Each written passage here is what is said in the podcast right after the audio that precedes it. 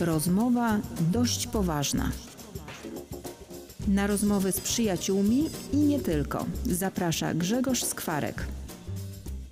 Szanowni Państwo, wtorkowy wieczór e, i koniec roku, czas na podsumowania. E, Tematem numer jeden w tym roku jest bez wątpienia pandemia, a człowiekiem, który od początku w tym tkwi, od samego początku, bo jest pierwszym e, ministrem w rządzie pana Mateusza Morawieckiego, który odpowiada za przygotowanie do pandemii, a potem za jej przebieg i nieprzerwalnie z nią walczy. Senator Waldemar Kraska, sekretarz stanu w Ministerstwie Zdrowia. Szczęść Boże, panie senatorze, panie ministrze. Szczęść Boże, witam pana redaktora, witam słuchaczy. E, panie ministrze, e, ja najpierw zapytam jako polityka, bo się strasznie dużo zaczęło dziać w poniedziałek e, w polskiej polityce. Się zatrzęsło. To tak i trener Sousa nam poszedł gdzieś w siną dal, gdzieś do Brazylii. I jest bardzo mocny wywiad pana prezesa Kaczyńskiego, który poleca swoją starą Nokię. No i mamy tego Pegasusa. I w Ministerstwie Sportu. Całe mnóstwo się dzieje. To jakieś straszne trzęsienie ziemi zafundowaliście nam wy, politycy, na koniec roku. No i myślę, że to nie jest tylko domeną końca roku, panie redaktorze. Bo myślę, że przez cały rok było e, dość dużo wrażeń, zaczynając właśnie od pandemii, poczynając na aspektach czysto e, politycznych, o których na pewno nie uciekamy i one się na pewno będą w następnych latach także zdarzały. I taka, takie życie, no bo nie tylko pandemią żyją Polacy i myślę, że i dobrze, ponieważ już ten czas, który mm, poświęciliśmy mm, pandemii, myślę, że także powinniśmy troszkę myśleć do przodu, powinniśmy patrzeć na to, co się dzieje wokół.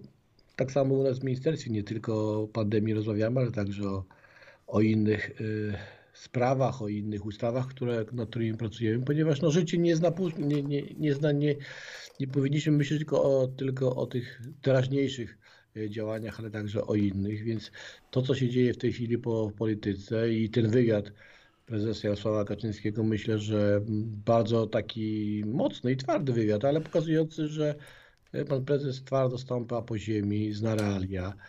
I myślę, że to jest bardzo dobry wywiad, jak go cały dzisiaj przeczytałem, więc myślę, że także warto, żeby słuchacze się z nim zapoznali, bo, bo porusza wiele ważnych kwestii, szczególnie dla, dla każdego z nas żyjącego w tym kraju. Znaczy, ja się z panem nie zgodzę, że to jest wywiad bardzo mocny. To jest wywiad, który mnie zastanowi, bo ja go przeczytałem e, w poniedziałkowy poranek jeszcze e, przed wyjściem z domu. Nie będę mówił, że, że przy śniadaniu, ale go bardzo zafrapował mnie, bo jest to temat, z którego wyłania się nam całkiem nowy obraz prezesa Kaczyńskiego. Prezesa, który coraz częściej, owszem, krytycznie się donosi, ale odnosi się coraz bardziej krytycznie i z dystansem do tego wszystkiego, co się wydarza. E, I to był taki wywiad, w którym oczywiście bardzo często pojawiają się Niemcy, ale zostawmy to, bo chciałbym kiedyś jeszcze z e, panem prezesem móc porozmawiać na ten temat, e, dlaczego ta temat niemiecki ciągle powraca, ale tam zauważyłem, że nawet to był taki temat, w którym bardziej krytykował swój obóz niż przeciwników. Tusk jak się pojawił, to w takim kontekście raczej potwierdzania tego, że na Zachodzie źle się dzieje że, jego, że czytał jakiś kawałek jego tej książki, e, którą napisał z żoną Sikorskiego e, i tak mam takie wrażenie, że chyba nam prezes zaczyna się szykować na emeryturę. To znaczy tak. Po pierwsze, prezes myślę, że się nie szykuje na emeryturę, aczkolwiek zawsze trzeba. Ale to jest czarny sen Prawa i Sprawiedliwości. Przyznam yy, Znaczy, no, nikt nie będzie w polityce działał wtedy, kiedy już ta polityka nie sprawia mu przyjemności, albo też no, zabraknie czasem sił. No, życie sprawia różne e, psikusy, no ale myślę, że jeszcze pan prezes długo, długo jeszcze w polityce polskiej będzie i myślę, że dzięki Bogu, ponieważ rzeczywiście jest tą osobą, która e, scala obóz prawicy, jest osobą, która jest bardzo wytrawnym politykiem od wielu, wielu lat. Przeszedł w polityce bardzo wiele. Dlatego myślę, że jego obecność w jakiś sposób Y, konsoliduje obóz prawej, prawej, prawej strony, ale także powoduje to, że no w Polsce jest jakaś równowaga w tej chwili mam nadzieję, że jeszcze długo z nami będzie. Dobrze. Y, zaczniemy, wrócimy jeszcze do tego wywiadu pana prezesa, bo Tam się zawiera taki wątek y, związany z pandemią i szczepieniami. Bo dzisiaj będziemy przede wszystkim o zdrowiu, drodzy Państwo, rozmawiać. Nie będziemy rozmawiali głównie o polityce, jakkolwiek no, są pewne rzeczy, które się dzieją w Polsce i e, chciałem się akurat e, pana senatora, pana ministra o nie zapytać. E, po co właściwie było zamieszanie z TVN-em? Ja rozumiem, że można nimi, e, tym zamieszaniem, e, tym wpuszczeniem tej ustawy pewne rzeczy troszeczkę ukryć e, i troszeczkę odwrócić uwagę, ale tak de facto dzisiaj e, mamy taką sytuację, że prezydent e, nie wpisał się w, jak gdyby w rolę, bo wszyscy liczyli na to, że odeśle sprawę do Trybunału Konstytucyjnego i ona tam będzie wisiała na tym TVN-em jeszcze lat parę i w każdej chwili będzie ją można odgrzać. No, tymczas, tymczasem prezydent też no, zachował się jak y, troszeczkę wi- widziałem po minach pana kolegów niespodziewanie, bo chyba jednak wszyscy liczyli na ten Trybunał Konstytucyjny. Panie redaktorze, no tutaj zdania może były podzielone. Ja też tak myślałem, że prezydent odeśle tę ustawę do Trybunału, żeby się zastanowić nad y, tymi paragrafami, które są w niej zawarte. Aczkolwiek myślę, że ta ustawa mm, w jakiś sposób powinna uporządkować nasz rynek medialny. No tak się dzieje praktycznie we wszystkich krajach, także i Stanach Zjednoczonych, więc tutaj Dobrze, mm, panie ministrze, ale nie rozmawiajmy tak się dzieje, bo my oczywiście wiemy, tylko że wiemy też również po co ta ustawa była. To każdy, każdy, jak to mówi się w starej, e, dobrej praktyce prawniczej, że najpatrzy, naj, przede wszystkim patrzy się w takich sytuacjach, kto odnosi korzyść. No i wiadomo, kto odnosił korzyść, a kto odnosił niekorzyść. Panie redaktorze, ale na pewno ta ustawa nie zlikwidowałaby stacji TVN. To o tym też trzeba sobie e, jasno powiedzieć, ponieważ w tej chwili przepływ kapitału jest tak szybki między krajami, więc myślę, że w ciągu tego pół roku, bo tyle było wakacji legis dla tej ustawy, więc stacja TVN na pewno by miała ten pakiet także europejski, jeżeli chodzi o właścicieli, więc myślę, że tutaj żadnego niebezpieczeństwa nie było.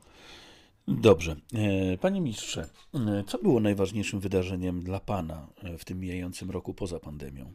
Jeżeli już mówimy o tej końcówce, która jest tak trochę no, szalona, no, ja powiem, że liczyłem na to, że będzie końcówka roku, będzie tym momentem, kiedy będziemy mogli sobie troszeczkę odpocząć od wielkiej polityki. Ale co było poza pandemią dla pana najważniejsze? To znaczy, ja myślę, panie redaktorze, że troszkę w tym roku miałem więcej czasu dla swoich bliskich, dla rodziny, bo ja tak dzielę ten czas oczywiście nierówno, ale staram się, aby tego czasu dla rodziny było y, jak najwięcej i myślę, że w tym roku akurat udało mi się troszkę go więcej wygospodarować i z tego się e, bardzo cieszę. Aczkolwiek nie ukrywam, że jednak pandemia znowu pochłonęła e, większość mojego czasu i zawodowego, i prywatnego, ponieważ no, Niestety i trzecia i czwarta fala naprawdę dała nam dużo zajęcia, jeżeli chodzi o bycie w ministerstwie. Ale to, co najbardziej powinno chyba nas cieszyć i to, co się w tej chwili odnajduje, i to jest chyba także i efekt e, pandemii, że jednak dostrzegamy, e, że jednak no, są wartości, które ponad tym wszystkim są, czyli właśnie wartości, jakim jest, jakim jest rodzina, jakim są najbliżsi i chyba także te święta, które są za nami, Bożego Narodzenia no, pokazały, że e, chcemy być blisko siebie, tęsknimy już za tymi chwilami.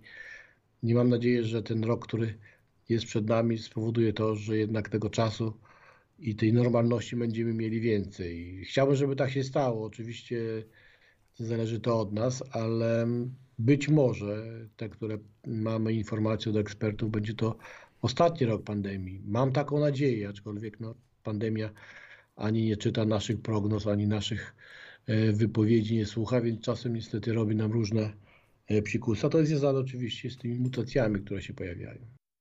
Wake up in Manila, ride to Belize, dive into the ocean and feel a little free. Skies of vanilla, smell it through the breeze. You could be the one, take a chance with me. You're running circles round your heart. I know it's going to be real dark. I take a minute, light a spark. We can dance into the fire. Si te vienes conmigo, piénsatelo bien. Vamos a tiempo de hora, un poco de revés. Porque cuando arrancamos ya no para el tren. eh. Mira que te lo cuento bien. Y yeah, eh. Why don't we live? Why don't we live? Why don't we live just a little bit? Why don't we say? Why don't we say? Why don't we wake up in Manila, ride to Belize, dive into the ocean and feel a little free? Skies of vanilla, smelly through the breeze. You could be the one, take a chance with me, take a chance with me.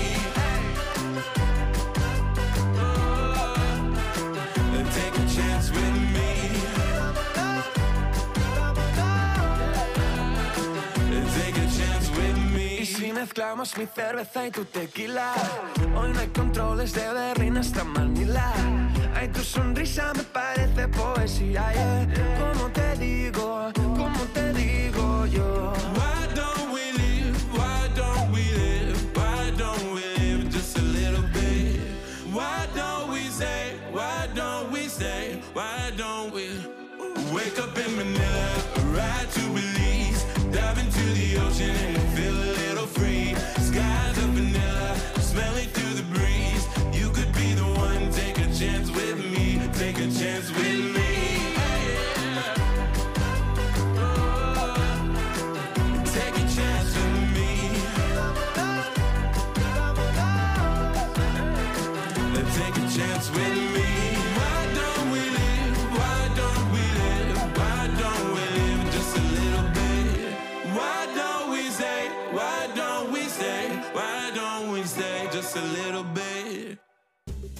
Rozmowa dość poważna.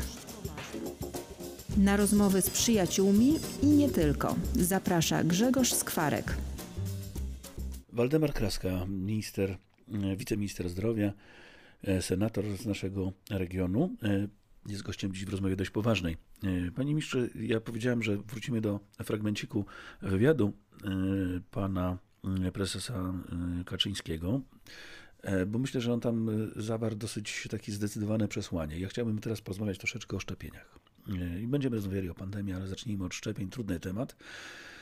E, nie wiem, jak ja mam to zrozumieć, bo z jednej- strony mm, prezes Kaczyński jest bardzo rygorystyczny i bardzo taki zdecydowany i mówi, że powinno się w to wprowadzić, jest zdeterminowany, żeby wprowadzić obowiązkowe szczepienia, nie przymusowe, ale obowiązkowe. Rozróżnimy te dwie rzeczy.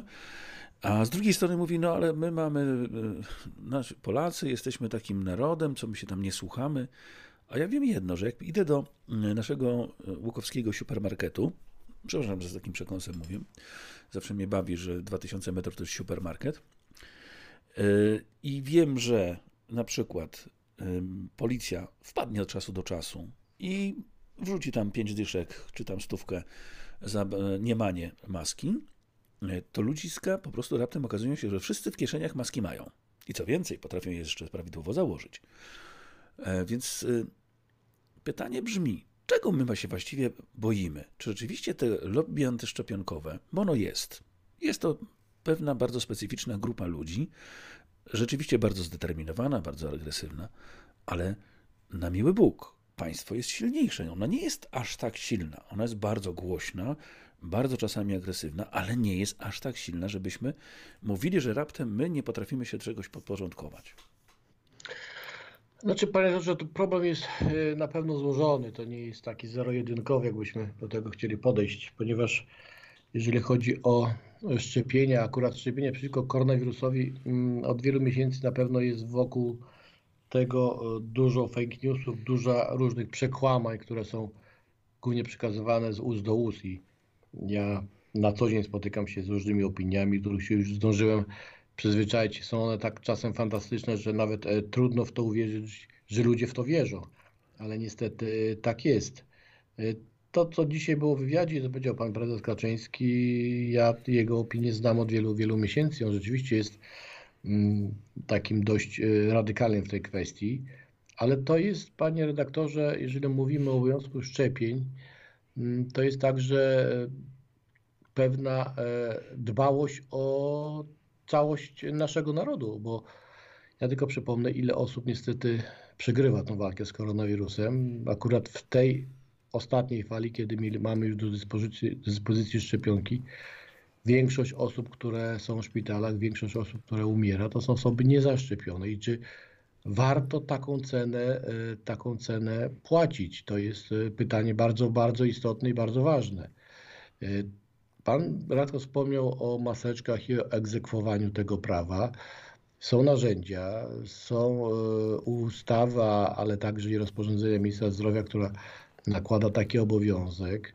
Ta egzekucja na pewno jest, tylko oczywiście no, ja już parę razy o tym mówiłem, no jesteśmy takim narodem trochę przekornym. No, co nam państwo narzuca, to my to kontestujemy i mówimy, że tak, że tak nie powinno być, bo mamy inne zdanie, ale tutaj akurat na, na szali stawiamy swoje y, zdrowie i życie, więc myślę, że tutaj ta sytuacja i, i ta aktualna mm, chwila, w jakim jesteśmy, no, powinna być może także i to być może się zadzieje, spowodować to, że pewne e, inne rozwiązania trzeba będzie wdrożyć. Mówię to oczywiście w kontekście niestety tej nowej mutacji, która pokazuje, że te kraje, które mają zdecydowanie większy procent wyszczepienia społeczeństwa, mówimy tu przecież o Wielkiej Brytanii, Hiszpania, Portugalia, Francja, zdecydowanie zwiększają restrykcje i tych osób u nich zakażonych jest zdecydowanie więcej, ponieważ no ten nowy wirus jest zdecydowanie bardziej zakaźny, więc to jest kwestia, myślę, kilku tygodni, kiedy będziemy musieli się e, po raz kolejny zmierzyć z nową ilością, dużą ilością nowych zakażeń. Będziemy musieli zmierzyć się z dużą ilością osób, które będą hospitalizowane. E, na całe szczęście, wszystkie badania, które otrzymujemy, ta trzecia dawka przyjmująca zdecydowanie nas zabezpiecza także przed tą nową mutacją i to jest to jakby ta dobra wiadomość. No ale jeżeli nasz poziom wyszczepienia społeczeństwa jest na poziomie 52,5%, porównując do 80 paru krajów Europy Zachodniej, no to jest naprawdę duży, duży niepokój, y, co będzie dalej, więc te wszystkie symulacje, te wszystkie prognozy, którymi dysponujemy, naprawdę one nie są różowe, one są raczej w czarnych barwach, barwach przedstawiają tą, tą sytuację, jaka się może w Polsce wydarzyć. Więc to, co dzisiaj powiedział prezes tak może twardo i ostro, to myślę, że to jest takie no, myślenie polityka, który dba o swój, o swój kraj, o swój naród, bo to jest jakby kwestia m, tych osób, które no, tą walkę niestety przegrają. No dobrze, tylko że my mówimy, dobrze, to jest, mówimy z jednej strony bardzo zdecydowanie, tak, powinniśmy poddać się restrykcjom, powinniśmy poddać się szczepieniom, a z drugiej strony następuje to drugie zdanie, no ale jesteśmy narodem przekornym. Panu jako lekarzowi to po prostu nie przeszkadza?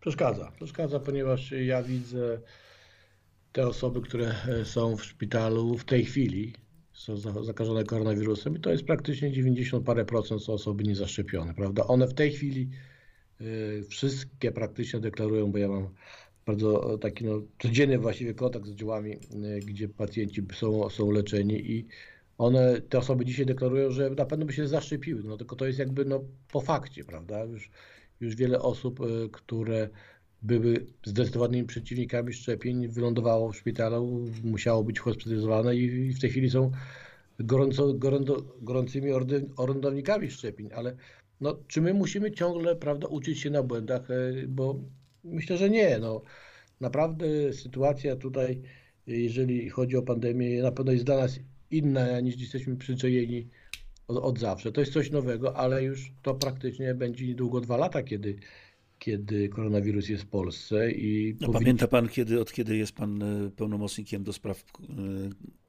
jeszcze wtedy trudno było to nazwać pandemią, to nikt tego nazywał, ale do spraw e, COVID-19?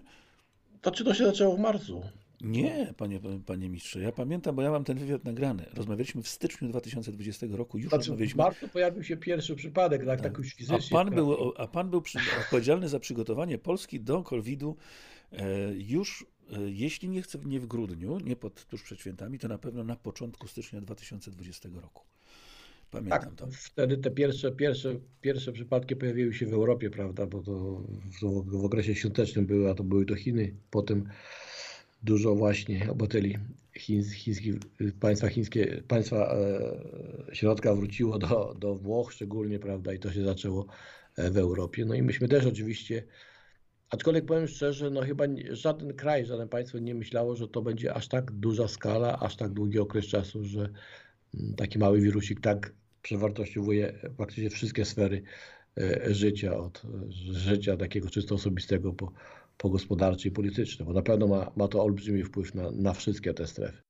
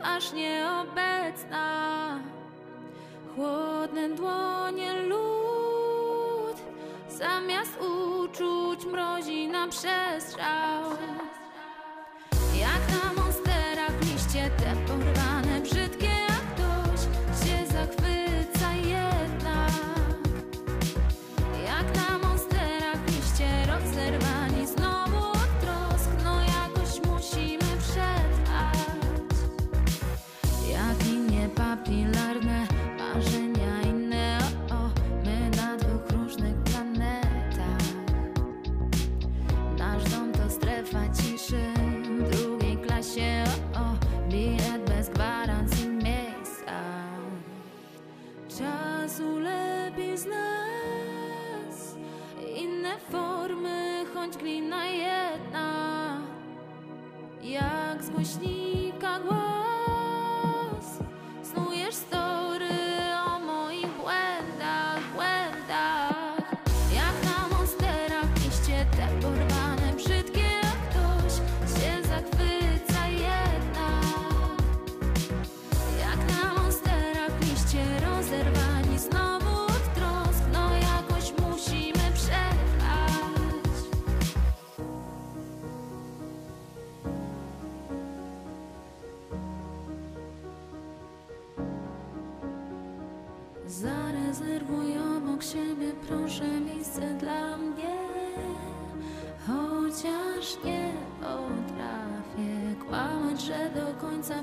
wszystko będzie płynąć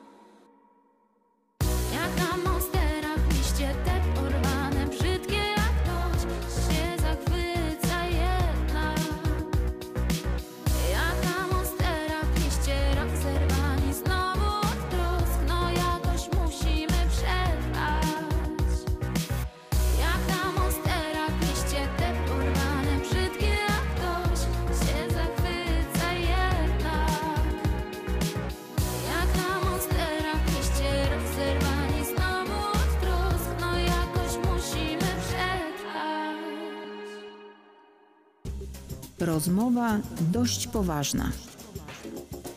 Na rozmowy z przyjaciółmi i nie tylko. Zaprasza Grzegorz Skwarek. Sekretarz stanu w Ministerstwie Zdrowia Waldemar Kraska jest dziś gościem w rozmowie dość poważnej. Panie ministrze, kontynuujemy oczywiście kwestię, bo tak z jednej strony to sz- szczepienia, ale z drugiej strony jest ta tak zwana odpowiedzialność, bo my chyba mało mówimy o odpowiedzialności za zdrowie drugiego człowieka. Ja nie mówię, że ja jestem jakimś tam wielkim zwolennikiem i orędownikiem e, czy też skuteczności e, szczepionek, które są nam fundowane. Nie jestem e, w żaden sposób tutaj autorytetem, ponieważ się nie znam na tym. Ale wychodzę z założenia, że skoro są i skoro pracuję z ludźmi i wśród ludzi, to wypada się zaszczepić, żeby, no choćby nawet z tego względu, że jeżeli zachoruję, żeby nie być tym, który będzie zakażał. Robię to z takiej prostej odpowiedzialności. To jest moja motywacja. Oczywiście tych motywacji może być całe mnóstwo. No ale jeżeli ja jestem zaszczepiony, chcę być zdrowy i robię wszystko, żeby być zdrowy, to dlaczego ma, muszę się mierzyć z tymi, którzy no tak naprawdę nie chcą być zdrowi? Oni mówią, oni są mądrzejsi od wszystkich. Czemu zatem wracamy do tematu e, paszporty covidowe? Kiedy? No, jesteśmy w audycji katolickiej jesteśmy po świętach. Wszyscy byliśmy na pewno na pasterce, mm, na wielu mszach w czasie, w czasie tych, tych świąt. I ja, tak może to jest zboczenie zawodowe, ale bardzo uważnie przyglądam się osobom, które są e, w kościele i czy mają, za, zakłada, są, mają założone maseczki. Przeważnie tak jest. To są Przeważnie. Przeważnie osoby, jest. które nie mają, ale Mhm. akurat y, koło mnie siedziała w kościele osoba, która jest bardzo pobożną osobą i ost- ostentacyjnie oczywiście bez tej maseczki, prawda? I, I tak się zastanawiam, bo nawet nie zwróciłem mi uwagi, że są to święta i, i powiem szczerze, może by się jej zrobiło przykro, ale Ale przecież siedziała ona- koło ministra zaszczepionego, to się nie bała, że się zarazi. Proste. Ale to, to nie jest właśnie, no jesteśmy w kościele, prawda? Jest, jesteśmy w tym miejscu, kiedy ta druga osoba, bliźni jest dla nas tą osobą bardzo ważną, ale to, to że ja mam założoną maseczkę, to nie, to nie jest dbanie o siebie, tylko właśnie osobą, z którą mogę się za chwilę być blisko, mogę się z nią spotykać. I to ona właśnie jest tą osobą, która zaraża. Ona właśnie nie miała, nie mając tej maseczki, no wyrządzała mnie i moim bliskim, y, myślę, jakąś krzywdą. Mogła wyrządzić, mogła być zakażona i mogła zdecydowanie No nas to ograniczmy ich aktywność, ich możliwości. Wszędzie na świecie to się sprawdza, bo jak Włosi też się nie chcieli szczepić. Jak się zrobiło, że w- wprowadzono dość radykalnie w paszporty covidowe, sprawdzanie w restauracjach, w miejscach publicznych, moment, mają jeden z najlepszych, najwyższych współczynników wyszczepialności. To nie jest tak, że to jest raptem zorganizowany naród, bo jak ja porównuję nas, Polaków i, i Włochów, no może ja się za, za dobrze nie znam na nacjach, ale mi się wydaje, że jednak my jesteśmy bardziej zorganizowani niż oni. No pewnie tak, tylko że no, y, pewnie jeszcze do pewnych rzeczy nie dorośliśmy, mówiąc tak delikatnie, ale to wszystko jest przed nami. Myślę, że y, 5 stycznia jest wysłuchanie publiczne tej ustawy, która także umożliwia pracodawcom y, badanie i egzekwowanie paszportów covidowych, także uniknięcie lockdownu dla firm, które będą miały zaszczepionych pracowników, więc no, ta ustawa troszeczkę wychodzi naprzeciw temu, aby, aby na przykład, jeżeli chcemy się udać do restauracji, do, do sklepu i jesteśmy ponad limitem tych, tych osób, a mamy paszport covidowy, żeby wtedy z tego e, skorzystać. To także no, nie tylko daje ten przywilej, e, jeżeli chodzi o zdrowie, bo ja tylko zawsze o tym mówię, że osoby zaszczepione e, są, oczywiście także mogą przenosić koronawirusa, ale to jest kilkanaście razy mniejszy ładunek wirusa niż osoba, która nie jest zaszczepiona. Czyli ja, będąc zaszczepiony, zdecydowanie mniej narażam osoby, z którymi się stykam na zakażenie niż wtedy, kiedy nie jestem zaszczepiony. Więc tutaj jest jakby sytuacja bardzo prosta, więc myślę, że tej, tej następnych tygodniach, a, a myślę, że ten koronawirus y, jednak do nas bardzo szybko wróci w dość dużej, w dużej ilości, także będzie spowodowało, że trzeba będzie podejmować bardziej y, drastyczne, dra- drastyczne ruchy, drastyczne de, decyzje, aczkolwiek myślę, że no one też może są za bardzo e, przesadzone, że ograniczają jakby naszą wolność, prawda? No, no wiele jest ograniczeń, do których się stosujemy, czy to na drogach, czy też w innych sferach e, życia, więc myślę, że tutaj także, także powinniśmy o tym myśleć. Ja też jestem zwolennikiem, abyśmy jednak, jeżeli już nie chcemy dbać o swoje zdrowie, to dbajmy o zdrowie osób, z którymi się spotykamy, stykamy. Piąta fala jest, czy dopiero się zacznie? No myślę, że jeszcze nie jest, bo w tej chwili no, mamy ten okres, e, kiedy ta czwarta zdecydowanie opada. Nie, nie, no, panie ministrze, bądźmy szczerzy. E, Czwarta nie wiemy, czy opada, bo generalnie ludziska przed świętami po prostu robili wszystko, żeby jednak się nie testować, żeby na święta jednak. e, Nie, to- ale ten okres opadania już jest przedświąteczny, to już ten, na pewno okres to, to, to zaburza i to zawsze, my bierzemy na to poprawkę, ale tutaj naprawdę widzimy zdecydowanie jednak zmniejszenie tych nowych przypadków, ale tu mówimy cały, cały czas o wariancie Delta, więc tutaj to, to jakby naturalnie w tej chwili będzie spadało, ale no jak widzimy Europę Zachodnią, widzimy Wielką Brytanię, tam tych nowych zakażeń wariantem e, ten Omikron jest zdecydowanie więcej niż to było w, w, w tej czwartej fali. Niemcy mówią, że w szczycie czwartej, piątej fali będą mieli po kilkaset tysięcy dziennie zakażeń. Tak, no i Pan sobie jest- to wyobraża w ogóle? Znaczy, samo zakażenie e, to jeszcze nie jest aż taki może duży problem, prawda, bo różnie możemy go przechodzić. Ile osób z tej grupy trafi do, nas, do naszych szpitali? To jest jakby to pytanie, na, którą, na w tej chwili żaden ekspert nie potrafi mi odpowiedzieć. Ilu, ilu pacjentów z, tej grupy nowo zakażonych może trafić do naszych szpitali? Jak będzie przebiegała ta, e, ta hospitalizacja? Bo nawet w tej chwili z tej Europy Zachodniej też nie, nie mamy jakichś konkretnych danych, czy to jest mniejsza e, jakby nasilenie tych objawów przy zakażeniu mikronu, czy podobne jak, jak w delcie. Bo jeżeli będzie podobnie jak w delcie, no to myślę, że tych pacjentów w naszych szpitalach zdecydowanie będzie więcej i obciążenie naszej ochrony zdrowia będzie jeszcze większe. Ale A my jak- jesteśmy w ogóle przygotowani, bo jeżeli pan mówi, dobrze, jeśli będzie tyle samo pacjentów, co w, przypadku delty i przy tym stopniu zakażenia, to my właściwie mówimy, że do, pacjent, do szpitala nie będzie trafiało 3-4 tysiące dziennie, tylko 30-40 tysięcy. Panie rektorze, znaczy tak, no, jeżeli chodzi o przygotowanie, no, w szczycie trzeciej fali mieliśmy zajętych 34 tysiące łóżek. My mamy w tej chwili przygotowanych 31. Na tą chwilę, prawda, tych łóżek, co prawda, redukujemy, przecież Polacy nie chorują tylko na koronawirus. Musimy mieć tego świadomość, że, że my możemy te łóżka w, w każdej chwili powiększyć, ale kosztem pacjenta, pacjentów z innymi schorzeniami. To też musimy mieć to, to na uwadze, że jeżeli się nie szczepimy i będziemy hospitalizowani, to odbieramy komuś prawo do diagnostyki, do leczenia, do zabiegu operacyjnego, więc tutaj też te aspekty no czysto takie moralne też myślę, że powinny brać, y, brać rolę, no bo odbieramy komuś to miejsce. No, to, to nie jest tak, że ta pula y, dla pacjentów covidowych to jest oddzielną pulą, którą Ministerstwo Zdrowia dysponuje i dostawiamy kolejne łóżka, no, bierzemy skądś lekarzy, pielęgniarki, ratowników. To jest ta sama pula, która do dyspozycji jest przez cały, przez cały rok, więc y, także powinniśmy mieć tą, tą świadomość.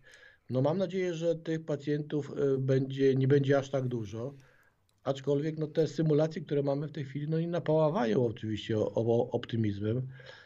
I jest, no, jest jedyne wyjście. No, jeżeli ktoś się nie chce szczepić, no to przynajmniej stosuje, stos, niech się stosuje do tych zasad, o których tak do znudzenia powtarzamy. Każdy może już troszeczkę je patrzy z uśmieszkiem, że dystans, jaki dystans, jaka maseczka, jaka dezynfekcja. No ale to jest ciągle jedyna i najprostsza broń poza szczepieniami, którą możemy, możemy zastosować. Kiedy ta, ta fala się może pojawić? To już no pewnie tak, wiecie. Te nasze prognozy to jest tak połowa stycznia, koniec stycznia. Myślę, że mm, to już będziemy wtedy widzieli mm, ilość nowych zakażeń, szczególnie, że no to na pewno także będzie efekt świąteczny, bo to jest około 10 dni po tych naszych e, wyjazdach świątecznych, po kontaktach z bliskimi. Ja oczywiście odradzałem, żeby kto nie musi, aby tego nie, nie robił, ponieważ no, narażamy siebie i naszych bliskich w ten piękny czas Bożego Narodzenia na, na, na jakieś pewne ryzyko, szczególnie osoby starsze z chorobowością, a już na pewno osoby, które nie są zaszczepione. Czyli można powiedzieć e, o czymś optymistycznym w kontekście omikronu. E, bo mm, ja dość uważnie staram się słuchać, nazwijmy to, autorytetów. Może nie dla wszystkich to są to autorytety, ale dla mnie są to autorytety, bo są to ludzie po prostu po pierwsze wykształceni, mądrzejsi ode mnie, więc staram się słuchać i oni.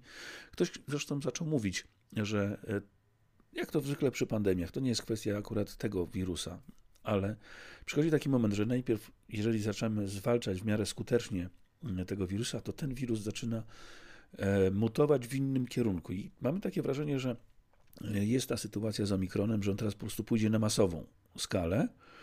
E, objawy mogą być łagodniejsze, chociaż oczywiście w masie, cała masa, no niestety pewnie przyniesie zwiększenie ilości zgonów i tego się pewnie nie da uniknąć, ale potem będzie możliwość właśnie osiągnięcia tej mm, odporności stadnej. Czyli są jakieś już badania, może pan o nich słyszał, które by wskazywały, że omikron na przykład daje y, większą, albo przynajmniej porównywalną z poprzednimi mutacjami odporność y, tak zwanych ozdrowieńców. Co by nam dawało jakąś nadzieję, że po prostu przejdzie ten tajfun, ale potem właściwie będziemy mogli coś wygaszać. Czy myślę, że jeszcze za wcześnie o tym mówię, czy ta odporność po przechorowaniu omikron, y, tego wariantu omikron jest większa niż w przypadku delty bo to jest jeszcze za krótko. Ale tak jak przy, każdu, przy każdej epidemii, to jest tak, że przez wiele lat już te epidemie różne się przetaczały przez nasz, nasz e, świat, więc także w sposób naturalny kiedyś ona e, musi wygasnąć. I to właśnie jest związane z tymi mutacjami, jakim, jakimi przychodzą e, wirusy, nie tylko koronawirus. I mm, być może, tak jak niektórzy eksperci mówią, że jest to, będzie to ostatnia fala, ostatnia fala, która będzie aż tak duża. On oczywiście nie zniknie z, z naszego środowiska, ale będzie na zasadach tak jak, tak jak wirus grypy co roku w jakiejś ilości osób e, będzie, będzie je zakażał, ale te skutki nie będą aż tak, aż tak duże, jak są, jak są w, w tej chwili. Więc myślę, że, że ten, ten rok, który jest przed nami, no być może być ostatnim tym, tym rokiem, kiedy ta walka e, z koronawirusem będzie tak, tak trudna i, i, i, ciężka. No, mam taką nadzieję. Ja jestem z natury optymistą, ale, ale tu także opieram swój optymizm na, na wielu ekspertach, którzy no, takie, takie ekspertyzy pokazują, takie swoje badania, że, że tak to może będzie. Mam nadzieję, że tak się to stanie, no ale ręki za to nie dam.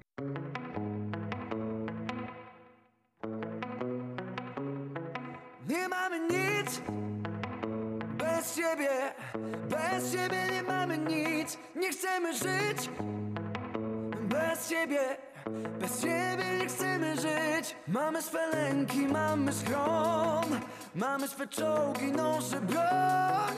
Mamy pieniądze, mamy głos, ale bez siebie nie mamy nic.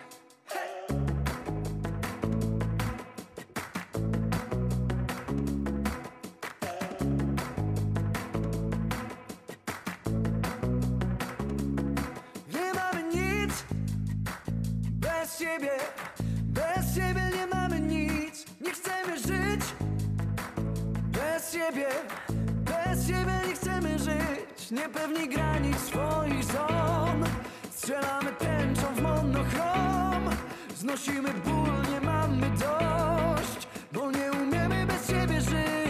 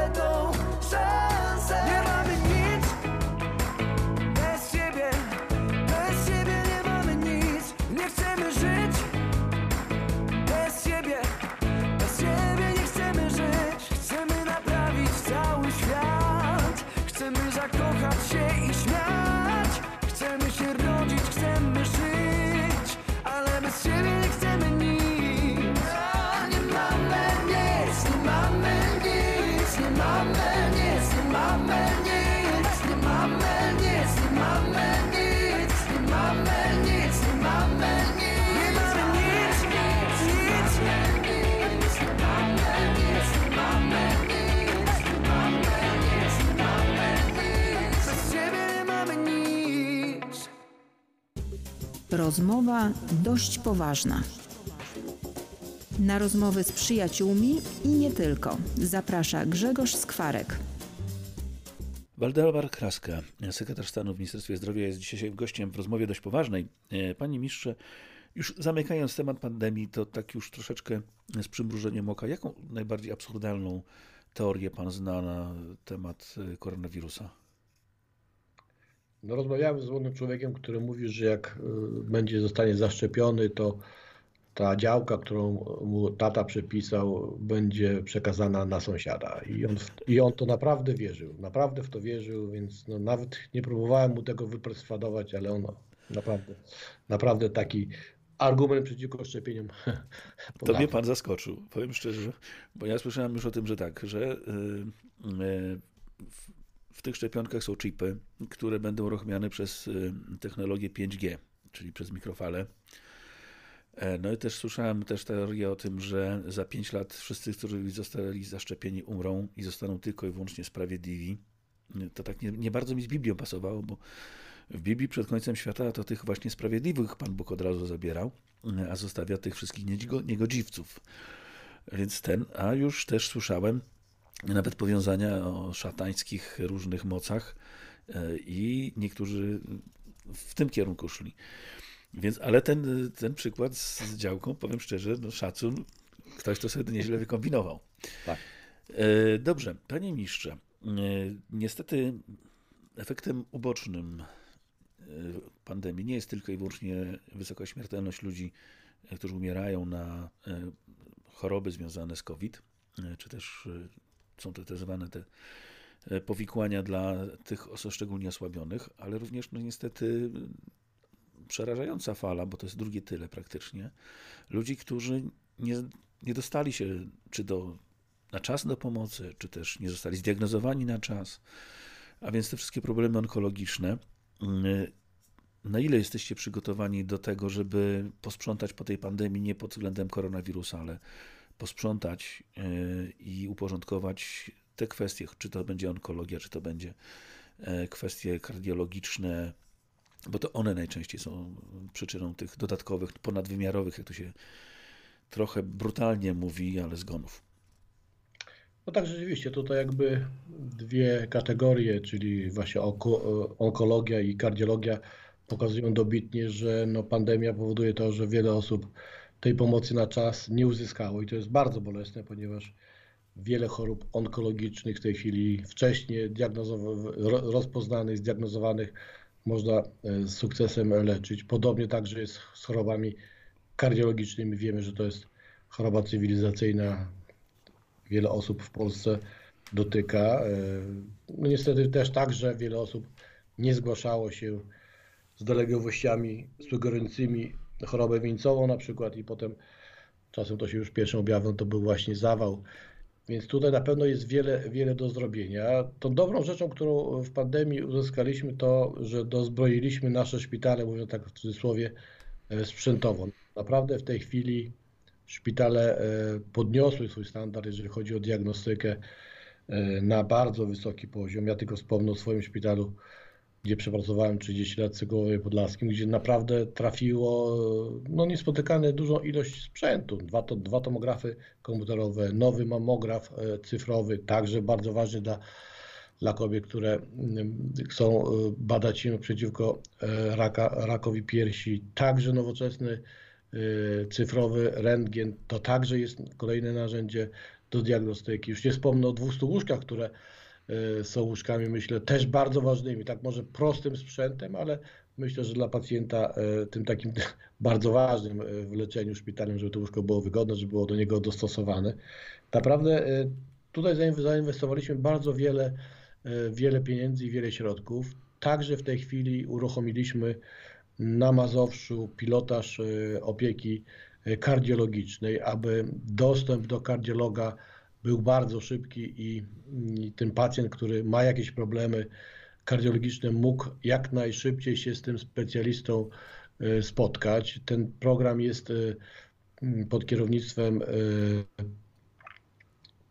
zakładu w Aninie, to jest dość znany ośrodek kardiologiczny.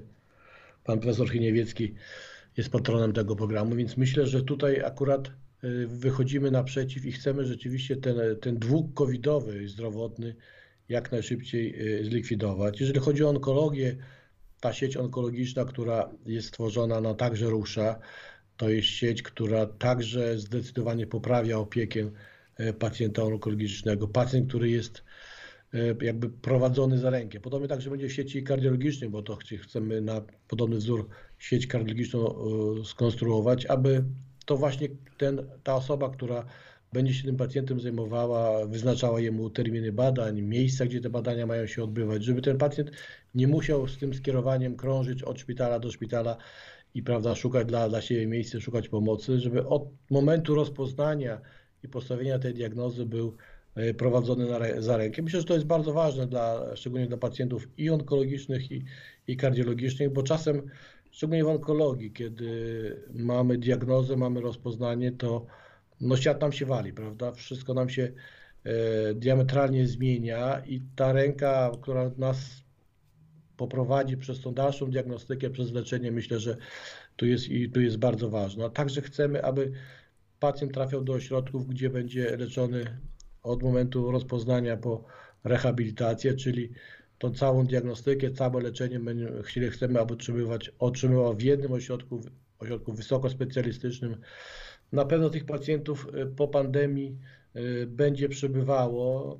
Jesteśmy na to przygotowani, dlatego przeznaczamy większe zdecydowanie środki na te mm, dwa, y, dwa, dwa rodzaje jakby specjalizacji, czyli kardiologię i onkologię, ale nie tylko, bo także w tej chwili wspieramy dość mocną neurologię, szczególnie mówię tutaj o udarach, bo to też jest bardzo duży problem, aby nie tylko dobrze leczyć udary, ale głównie zapobiegać tym, tym chorobom, które powodują następstwo, jakim jest, jest udar. To właśnie też tak, że to jest połączone e, z kardiologią. No, głównie nadciśnienie, dobre prowadzenie pacjenta z nadciśnieniem niejednokrotnie uchroni go przed ryzykiem, ryzykiem udaru. Więc no, aspekty na pewno są na, na, wielu, na wielu poziomach i my oczywiście zajmując się COVID-em nie zapominamy także o tych innych innych dziedzinach, bo, bo no, życie nie, nie znosi pustki, więc no, nie tylko chorujemy na COVID, ale także na inne schorzenia,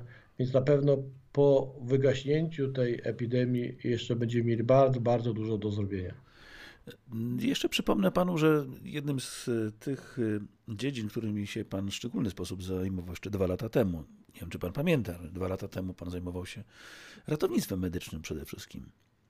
Tak, tak, to jest moja taka bardzo ulubiona dziedzina, bo oprócz tego, że no jestem chirurgiem, ale także od zawsze e, pracowałem w ratownictwie medycznym i tutaj też jest bardzo duży postęp, panie redaktorze. E, w, w tym roku no, był taki moment, kiedy mm, no, ratownicy upomnieli się o wyższe wynagrodzenia, o, o, lepszy, e, o lepsze warunki pracy, szczególnie, że no, w pandemii pokazali, że to właśnie oni byli na tej pierwszej linii, że to oni mieli ten kontakt z osobami e, zakażonymi lub potencjalnie zakażonymi koronawirusem. Dlatego w tym ostatnim kwartale finansowo wzmocniliśmy bardzo, bardzo ratownictwo medyczne, ponad 130 milionów dodatkowo przekazaliśmy, a w przyszłym roku to jest ponad pół miliarda. Pół miliarda dodatkowych środków na ratownictwo medyczne. Nie wspomnę już o karetkach, które w tym roku ponad 420 przekazaliśmy dla zespołów ratownictwa medycznego. To także odciąża świadczeniodawców, nie muszą tych nowych ambulansów kupować. Także aparaty do masażu klatki piersiowej.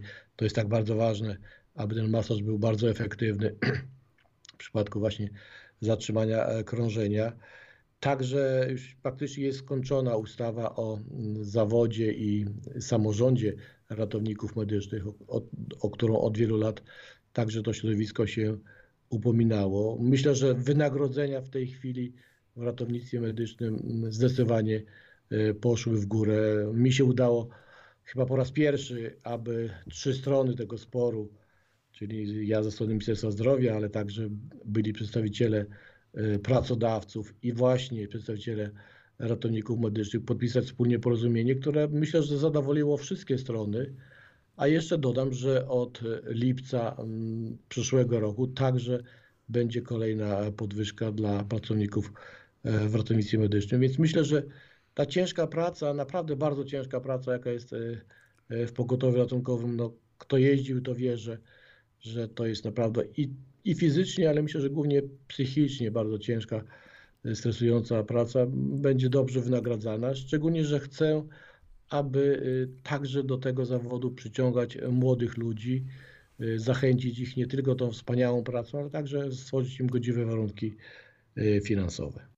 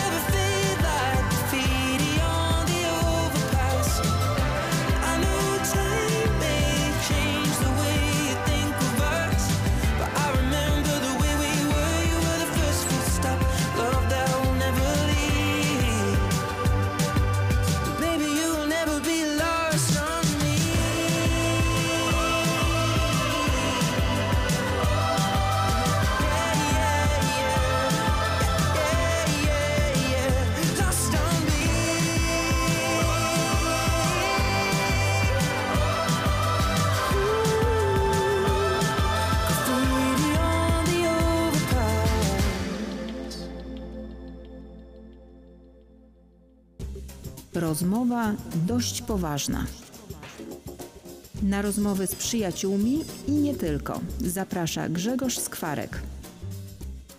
Waldemar Kraska, sekretarz stanu w Ministerstwie Zdrowia, senator, jest gościem dziś w rozmowie dość poważnej. Yy, Zaczęliśmy rozmawiać o ratownikach medycznych i o porozumieniach, no ale teraz oczywiście pytanie brzmi, co będzie po pandemii, jeśli chodzi o edukację kadr, czyli czy udało się już zatrzymać odpływ e, polskich lekarzy wyjeżdżających za granicę, bo zdaje się, że e, pracownicy, wykwalifikowani pracownicy w innych, e, było nie było bardzo ważnych branżach, zaczynają do Polski wracać. Bo się raptem okazuje, że w Polsce już tak źle na przykład na, dla fachowców, którzy są na przykład nie wiem, w branży remontowej, lepiej można tutaj zarobić niż nawet w Niemczech. Czy z lekarzami będzie podobnie? Czy też będziemy sięgali po e, kadry ze wschodu? Bo taki był kiedyś plan i taki był kiedyś pomysł. Znaczy myślę, że my wielokierunkowo działamy w tym kierunku, ponieważ no, nie da się w ciągu dwóch, trzech lat y, uzupełnić te braki kadrowe, które były spowodowane wieloletnimi niestety zaniedbaniami, bo tak trzeba powiedzieć, że, że jednak e, ilość lekarzy w Polsce odbiega od, od, od średniej krajowej. Y, My zwiększyliśmy oczywiście nabory na, na studia medyczne, mówimy, że mówimy w tej chwili o lekarzach, ale nie tylko o lekarzach, także o pielęgniarkach i o ratownikach medycznych. Zwiększyliśmy ilość uczelni, które kształcą. No ale to wszystko jakby ograniczone już jest, jest pół lat. Te uczelnie nie pomieszczą więcej tych osób, także ta właśnie nowa ustawa, która będzie umożliwiała także w szkołach innych niż e, uniwersytety medyczne także kształcić, kształcić lekarzy. Oczywiście po spełnieniu tych wszystkich wymogów, jakie są dla mm, kształcenia lekarzy, więc to, to, to było podkreślane, że to będą e, felczerzy, a nie będą lekarze. No ja to oczywiście nie przyjmuję takiego argumentu, ponieważ no, każdy z nas chce być le- leczony przez lekarza dobrze wykształconego. E, Więc z jednej strony e, narzekamy, że tych lekarzy nie ma, z drugiej strony mówimy, a jak będziemy kształcić, to będą mierni. Naprawdę, jeżeli chodzi o szkolnictwo medyczne, Polska jest na bardzo wysokim poziomie. Nasi absolwenci naszych uczelni są poszukiwani w wielu krajach i dlatego no właśnie są oferowane takie stawki, że wyjeżdżają. Ale myślę, że e, okres pandemii także pokazał, że wynagrodzenia w służbie zdrowia zdecydowanie e, się poprawiły. I to też ja mówiłem już o ratownikach medycznych, ale także myślę także o lekarzach, że zdecydowanie w tej chwili już lepiej zarabiają. Także umożliwiliśmy zatrudnianie lekarzy właśnie za, ze wschodu. To niejednokrotnie są także super specjaliści, którzy od wielu lat czasem pracowali, nawet u nas w kraju, ale dopiero w tej chwili mogą to robić w sposób taki, jak, y, jak każdy, kto skończył uczelnię w naszym kraju. Mamy dość dużo e, zgłoszeń, jeżeli chodzi właśnie o lekarzy, o pielęgniarki, może trochę mniej o ratowni- jeżeli chodzi o ratowników, osób ze wschodu, które chcą podjąć pracę. To jest też jakieś rozwiązanie, aby zasilić nasz, e, nasz e, potencjał, jeżeli chodzi o kadry, bo myślę, że to jest jakby no, kluczem do tego, aby Polska Służba Zdrowia, szczególnie pacjenci, odczuli tą zmianę. Jeżeli będzie mm, więcej medyków, więcej kadr medycznych, to zdecydowanie ta opieka powinna być lepsza. Ale nie tylko kadry, bo myślę, że także ustawa o jakości, o której już tak, też może wspominałem na tej antenie, ale ona praktycznie jest też także na ukończeniu. Ustawa jakości, która no, będzie troszeczkę e, stawiała wyższe wymogi, jeżeli chodzi o, o leczenie pacjentów, bo to nie łóżko, prawda, nie mury, ale właśnie w jaki sposób jest pacjent leczony, będzie, będzie tutaj warunkiem, aby dany, dana jednostka i dostała więcej pieniędzy z NFZ-u, ale także to będą upublicznione dane, więc będziemy wiedzieli, gdzie w szpitalu jest naj- najmniej powikłań, gdzie, gdzie warto się zgłosić, więc tutaj także ta, ta jakość, na którą stawiamy, także i w ratownictwie medycznym, bo też pracujemy nad nowelizacją ustawy, która też będzie określała mierniki jakości w ratownictwie medycznym, bo to też jest bardzo ważne. Nie sam przyjazd karetki, tylko jaka jest pomoc udzielana jest tutaj e, bardzo ważna. To samo do, dotyczy się opieki szpitalnej, więc e, chcemy, aby troszeczkę przejść na inny poziom, jeżeli chodzi o, o naszą ochronę zdrowia, bo myślę, że e, no, czas pandemii pokazał, że wiele aspektów jeszcze mamy naprawdę do zrobienia. Ja od zawsze powtarzam, że tym podstawowym fundamentem w ochronie zdrowia to jest lekarz e, rodzinny i tak jak w wielu krajach to jest ta ostoja tego systemu. Jeżeli coś tam szwankuje, to, to niestety odbija się na, na zdrowiu pacjentów. Pandemia to dobitnie pokazała, więc tutaj też jeszcze mamy sporo do zrobienia. E, Panie ministrze, przejdźmy jeszcze na naszą podlasko-mazowiecki podwórko. Jak pan ocenia, jak zdały egzaminy nasze szpitale? To jestem ciekaw pana oceny. To szpitale Siedlecki, Sokołowski, te, które panu są najbardziej znane, czy Garwoliński. No, o Łukowski nie zapytam, no ale może pan coś słyszał. E, czy o, z drugiej strony e, szpital w Białej Podlaskiej, który też ciągnął właściwie przez wiele e, czasu jako ten szp- szpital newralgiczny i zakaźny. E, W nich też sporo rzeczy będzie do uzupełnienia i posprzątania. No myślę, że pandemia tak no, w sposób taki bardzo bezlitosny obnażyła pe- pewne niedociągnięcia tych, tych szpitali.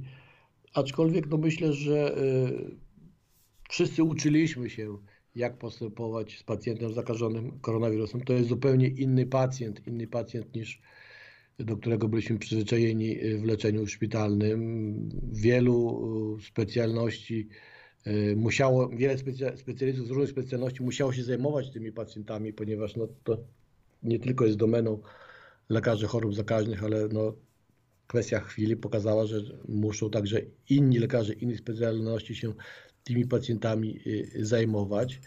Y, Na pewno jesteśmy w in, na innym etapie niż to było y, pół czy, czy rok, rok wstecz. Y, Wtedy pewnie i służba zdrowia bardziej y, bojaźliwie podchodziła do, do koronawirusa. W tej chwili także poziom zaszczepienia służby zdrowia jest zdecydowanie większy. Także chcemy, aby do 1 marca wszyscy, którzy pracują w ochronie zdrowia, byli e, zaszczepieni. To także myślę jest ta wartość, która mm, no nie tylko zabezpiecza e, pracownika ochrony zdrowia, ale także i pacjenta, bo myślę, że pacjent też chciałby być, aby osoba, która go leczy, była, była, była zaszczepiona, więc także to jest jakby przygotowanie się do tej, do tej kolejnej fali. E, Także e, ta ustawa o, o szpitalach, którą także w tej chwili przygotowaliśmy, praktycznie ona już też jest gotowa, ona też e, w jakiś sposób będzie pomagała szczególnie szpitalom powiatowym przezwyciężyć ten okres popandemiczny, ponieważ no, także widzimy, że niedobory finansowe, także i teraz przecież podwyżki e, cen e, nośników energii, także będzie to wpływało na, na, na, na działalność naszych szpitali. Chcemy w jakiś sposób tym szpitalom e, pomóc, w jaki sposób je przeorganizować, aby no, by do, dostosować do aktualnych potrzeb danego środowiska, prawda? Więc to, to, co od początku mówię, no jest praktycznie w każdej dziedzinie życia naszego, jeżeli chodzi o służbę zdrowia, wiele rzeczy y, do zrobienia, ale w czasie pandemii uważam, że jednak e, nasze siedleckie szpitale, mówię tu nie tylko o siedleckim, ale także o Sokołowskim, Wegrowskim szpitalu, e, stały na wysokości zadania. Naprawdę wielu, wielu, wielu, jak, jak nie wszyscy, którzy pracowali w szpitalach, naprawdę z wielkim poświęceniem pod, podchodzili do, leka, do pacjentów covidowych, ale nie tylko, bo przecież także tam byli le- leczeni, są leczeni pacjenci z innymi schorzeniami. Ja więc bardzo serdecznie e, im za to, za to dziękuję, za ten wysiłek, bo naprawdę chwilami, i myślę, że już też cała służba zdrowia jest, jest zmęczona już tym COVID-em, bo e, ubieranie się w te kombinezony, prawda, przestrzeganie tych zasad bardzo restrykcyjnych, jeżeli chodzi o szpitale, na pewno jest e, dużym u, obciążeniem i utrudnieniem w codziennej pracy. No ale myślę, że już na ten dzisiejszy przyzwyczailiśmy się do tego i jest troszeczkę nam łatwiej, aczkolwiek no, każdy by chciał wrócić do tej normalności, jaką znamy od sprzed wielu miesięcy. Czasem jakoś tak mi brysko W sensie, że mi smutno, no cóż Taki los. Mam ochotę się wygadać A więc piszę kolejny song Oto on Fajnie tam bawicie się. Widzę na IG Życie kręci się. Nie potrzeba mnie. Gdy nikt nie pisze ani nie dzwoni Wtedy już wiem, że nie mam znajomych. Na fejsie nigdy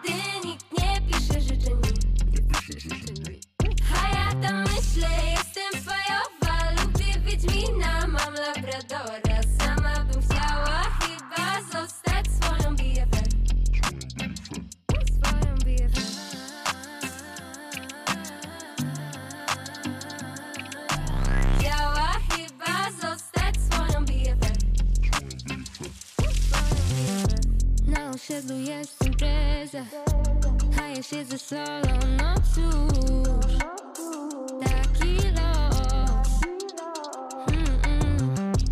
Nie mam komu się wygadać A więc napisałam ten song Oto on. Fajnie tam bawicie się. Widzę na IG Życie kręci potrzeba mnie Gdy nikt nie pisze ani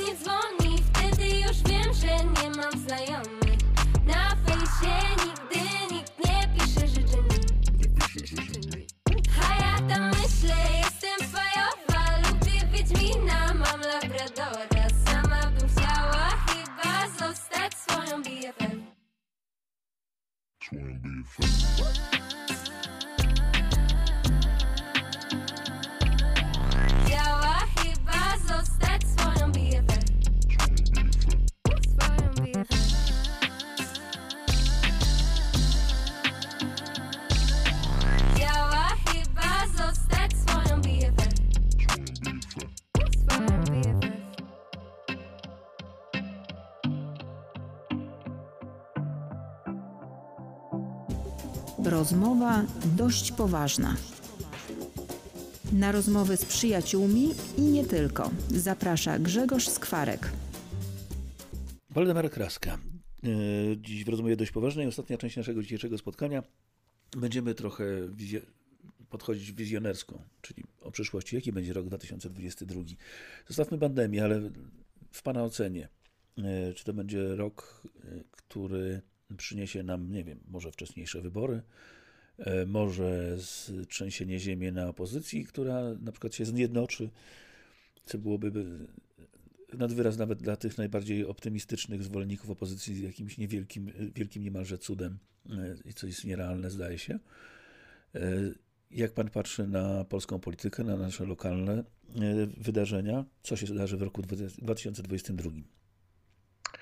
Ja myślę, że to nie będzie jakiś rok e, przełomowy, taką mam, taką mam nadzieję i ra- raczej chyba tak będzie, ponieważ no musimy wiele rzeczy jeszcze skończyć, jeżeli właśnie mówimy o, o pandemii, która no na pewno no, wnika do wielu sfer. To nie jest tak, że ona sobie gdzieś z boku jest, a, a życie się toczy innym torem.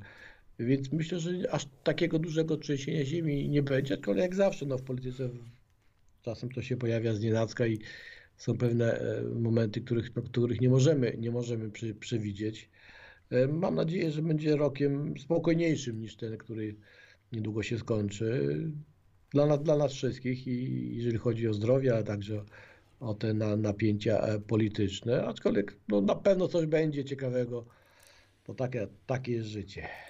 No, mnie w styczniu niektórzy zapowiadają, że tak, po pierwsze, że będzie dość ostro, jeśli chodzi o politykę i tu sprawy wewnętrzne w Zjednoczonej Prawicy, bo zdaje się, że parę rzeczy macie jednak mimo wszystko do załatwienia, bo to się tak dalej w takim dysonansie i wewnętrznym pewnym klinczu e, nie da funkcjonować, bo zdaje się, że jednak z Solidarną Polską, m, która jest dosyć twardą opozycją wewnętrzną, no musicie sobie jakoś poradzić. To się tak dalej nie za bardzo chyba układa. Panie profesorze, ale to nie jest tylko domeną e, Zjednoczonej Prawicy, jak pan na pewno jest bacznym obserwatorem sceny politycznej. No, w każdej Nie. partii są frakcje, które, prawda, e, no, troszeczkę wprowadzają zamętu, czy też nie. Ale wie pan, na opozycji to oni sobie mogą pozwolić, po prostu ich wyrzucają.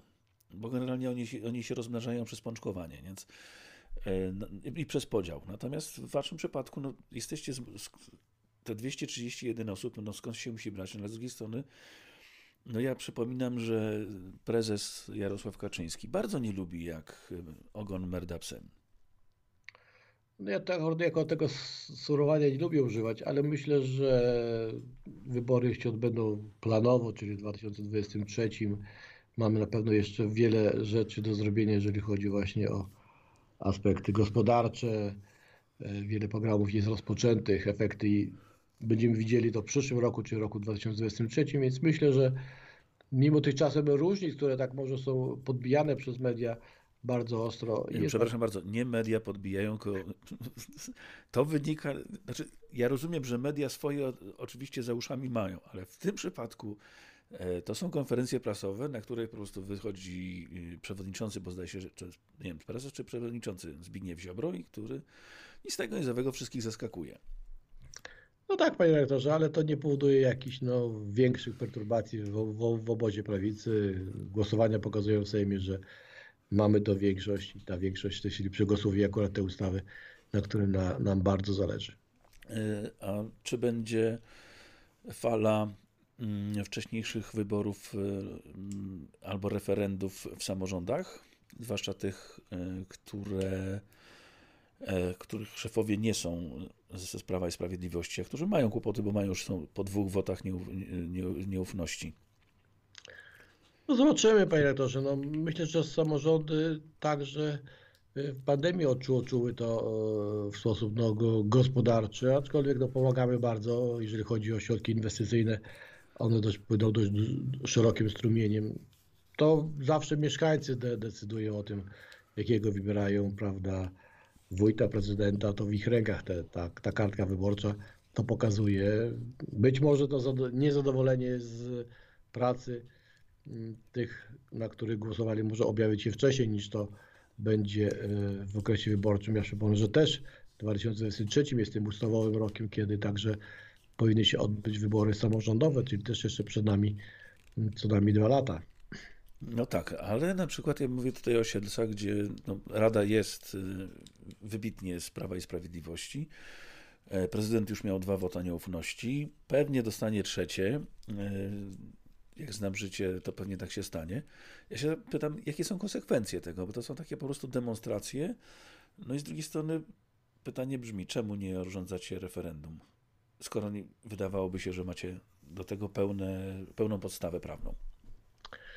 E, Panie, że przeprowadzić referendum nie jest wcale tak prosto, prawda? Musi być ileś osób, które weźmie udział w tym, w tym referendum, więc żeby ono było ważne, więc tutaj akurat no, ja bardzo ba- bacznie przyglądam się sytuacji politycznej y, w Siedlcach, no to jest największe miasto naszego, naszego regionu i myślę, że tutaj bardzo ważne jest to, aby jednak tych środków, które e, w różny sposób w tej chwili wpływają do Siedlc było jak najwięcej, bo to właśnie dla mieszkańców, dla, dla osób, które mieszkają w Siedlcach jest, jest bardzo ważne i, i myślę, że dobry gospodarz, który będzie zajmował się tym miastem, no, służy, służy wszystkim mie- mieszkańcom. No, no w tej chwili no, nie, nie dzieje się dobrze w mieście Siedzach, muszę o tym powiedzieć i, i no, patrzę z dużym, z dużym smutkiem na to, co, co się dzieje w Siedzach, więc no, zobaczymy co dalej.